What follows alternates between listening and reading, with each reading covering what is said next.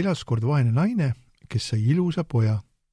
kui poeg sündis, ennustati naisele, et poiss on õnnelaps ja abiellub neljateistaastaselt printsessiga. varsti pärast seda saabus linna kuningas, ent teda ei tuntud ära. inimesed rääkisid temaga muretult ja viimaks mainis keegi õnnelast, kes neljateistaastaselt kuningatütrega abiellub. kuningas, kellel oli kuri süda, pahandas selle üle väga. Ta läks poisi vanemate juurde ja ütles sõbralikult. andke oma poeg mulle. minu juures kasvab ta üles rikkuses ja tal ei tule mitte millestki puudu. pärast pisikest kõhklemist said vanemad aru, et lapsel on rikaste juures parem elu kui nendega ja jäid nõusse. kuningas aga pani lapse karpi ja viskas selle lähimasse tiiki. sellest kaasast on mu tütar Prii, mõtles ta rahulolevalt. Karp aga ei vajunud põhja, vaid ujus kaks miili ning jäi pisut enne kuninga linna veskirattasse pidama. Möldri pere, kel endal lapsi polnud, rõõmustas väga ja uskus, et poisi saatis neile Jumal ise. ta kasvatati üles nagu lihane poeg neliteist aastat hiljem juhtus, et kuningas otsis äikese ajal just selles veskis kaitset. möldri rahvaga lobisedes sai ta teada, et poiss on leidlaps, kes ujus kunagi karbiga nende juurde. siis sai kuningas aru, et poiss ei saanud olla keegi teine kui õnnelaps ja ta nuputas välja uue kavaluse. head inimesed, kas poiss võiks kuningannale kirja viia? annan talle tasuks kaks kullatükki ütles kuningas ja Möldri pere oli nõus. siis kirjutas kuningas kirja, milles seisis niipea kui poiss kirjaga lossi saabub, tuleb ta tappa ja maha matta. poiss asus kirjaga teele, kuid eksis ära ja sattus pimedasse metsa. viimaks märkas ta valguskuma, mis tuli pisikesest majast, ta astus sisse ja leidis eest vana naise, kes istus tule ääres ja õmbles. naine ehmus ja hüüdis kes sa oled? ma olen teel lossi, et kuningannale kirja ära viia, kostis poiss, aga eksisin ära. Kas ma tohin siin ööbida? sa vaene poiss, ohkas vanake. sa oled sattunud röövlimajja ja kui röövlid koju tulevad, teevad nad sulle otsa peale. mina hirmu ei tunne, sõnas poiss. ma tahan ainult pisut puhata. ta heitis ahju ette pingile ja uinus otsemaid kui röövlid varsti koju tulid, vihastasid nad kutsumata külalise peale väga. siis aga avas röövlipealik kuninganna kirja ja kui nad olid seda lugenud, hakkas neil magavast poisist kahju. Nad kirjutasid ruttu uue kirja, milles seisis niipea, kui poiss on saabunud lossi, tuleb ta kohe printsessiga paari panna. hommikul ulatasid nad poisile vale kirja ja näitasid, kust kaudu lossi jõuab kui poiss jõudis kirjaga kuninganna juurde, tegi kuulekas naine, mis kirjas nõuti, ja nii peetigi uhked pulmad. Mõne aja pärast pöördus kuningas lossi tagasi ja nägi, et ennustus on täide läinud ja õnnelaps on tema tütrega abielus. siis lausus kuningas vihaga. nii kergesti sa ei pääse. kes minu tütart endale tahab, peab tooma mulle põrgust kuradi peast kolm kuldset juuksekarva kui tood need mulle, siis võid mu tütre endale jätta. kuningas nimelt lootis, et saab poisist sel moel igaveseks lahti. poiss vastas, kolm karva pead sa saama. mina, kuradit, ei karda. järgmisel hommikul haaras ta reisipauna ja hakkas astuma. varsti jõudis poiss suurde linna. seal küsisid inimesed, kas oskad meile öelda, võõras mees, miks turukaev, mis alati on meile veini andnud, on nüüd kuiv ja sealt ei saa keegi isegi vett. seda ütlen teile tagasiteel, vastas poiss ja astus edasi. Pisut hiljem jõudis ta külla, kus külaelanikud pärisid.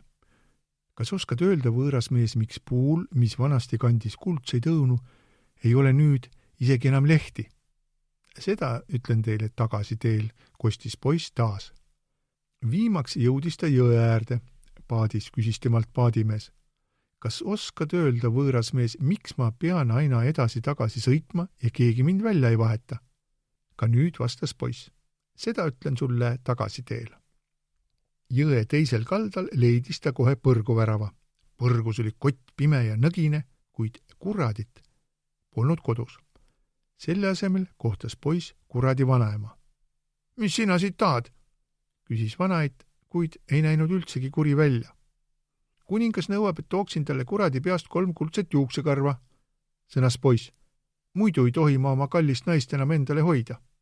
Ja lisaks tahan teada, miks kaev, kust voolas veini, on kuivanud, miks õunapuul ei ole enam kuldseid õunu ja siis veel seda, et äh, miks paadimeest kunagi välja ei vahetata seda on palju tahetud, lausus kuradi vanaema. aga mul on sinust kahju ja ma püüan sind aidata. siis muutis ta poisist sipelgaks ja peitis oma seeliku voldi vahele. ole lihtsalt tasa ja kuula, mida kurat ütleb, kui tal karvu välja tirin. varsti tuli kurat koju ja hüüdis. kui vastik, siin on inimliha, hais! ta vaatas igasse nurka, kuid ei leidnud midagi. mis asja sa ajad, pahandas vanaema. tule parem ja söö kui kurat oli õhtusöögi nahka pannud, väsis ta ära, heitis pingile ja pani pea vanaema sülle. varsti oli ta uinunud ja hakkas norskama. siis tõmbas vanaema tal esimese juuksekarva peast. ai! karjatas kurat. mida sa seal teed? vabandust, ma nägin halba und. Seal oli üks kaev, millest varem voolas välja vein, aga nüüd on täiesti kuiv ja seal kaevus istub kivi all konn. kui see ära tappa, siis jookseb kaevust jälle veini pumises kurat ja jäi uuesti magama. siis tõmbas vanaema tal teise karva peast. ai, rögatas kurat, oled sa aru kaotanud? andestust, ma nägin jälle halba und. seal oli üks puu, mis varem kandis kuldseid õunu, aga nüüd ei kanna isegi lehti. seda teeb hiir, kes närib puu juuri. Kui hiir on surnud, kannab puu jälle kuldseid õune ja nüüd lase mul palun rahus magada.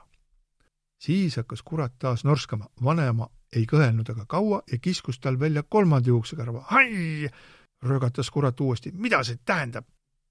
oh, vabandust, aga ma näen täna öösel palju halbu unenägusid. seekord nägin paadimeest, kes aerutab edasi-tagasi, aga teda ei vahetata kunagi välja. paadimees peab lihtsalt järgmisele sõitjale aerud pihku andma, siis on ta vaba. Siis jäi kurat uuesti magama ja seekord jättis vanaema kurja mehikese rahule. kui kurat oli hommikul läinud, võttis vanaema taskust sipelga ja muutis õnnelapse inimeseks tagasi. siin on su kolm juuksekarva, sõnas ta, ja vastuseid kolmele küsimusele kuulsid sa ju ise. poiss tänas vanakest abi eest ja asus koduteele. kui ta jõe äärde jõudis, tahtis paadimees lubatud vastust. enne vii mind üle, ütles tark poiss ja kui ta oli kaldale hüpanud, ütles paadimehele. kui keegi jälle tuleb ja tahab üle jõe pääseda, siis anna talle aerud pihku. ta kõndis edasi ning jõudis külla, kus kasvas viljatu puu. tapke hiir, kes närib puujuuri, siis hakkab puu jälle vilja kandma, lausus ta külaelanikele. tänuks kinkisid nood poisile kaks kullakoormaga eeslit. kuivanud kaevuga linnas ütles ta inimestele, tapke konn, kes istub kaevuskivi all, siis hakkab kaev jälle korralikult veini andma ka siin kingiti poisile kaks kullakoormaga eeslit ja nii jõudis ta rikka mehena lossi tagasi. tema noor naine rõõmustas meest nähes südamest ja kuulis, kui hästi too oli seiklustega toime tulnud. isegi kuri kuningas leppis väimehega, kui ta nägi nelja kullakoormaga eeslit. Sa oled mu tingimused täitnud ja võid mu tütre endale jätta, aga kust sa nii palju kulda said? päris ta ahnelt. ma sõitsin üle jõe seal vedeleb kulda nagu liiva kalda ääres, kostis poiss. kas mina saaksin kah sealt? tahtis kuningas teada. kindlasti, vastas poiss, te peate lihtsalt laskma paadimehel end üle jõe sõidutada. ahne kuningas ratsutas tuulekiirul jõe äärde ja kargas paati, ent kui nad teisele kaldale jõudsid, surus paadimees kuningale aerud pihku ja oligi vaba. kuningas pidi aga nüüdsest peale jõel edasi-tagasi sõudma ja oma patte lunastama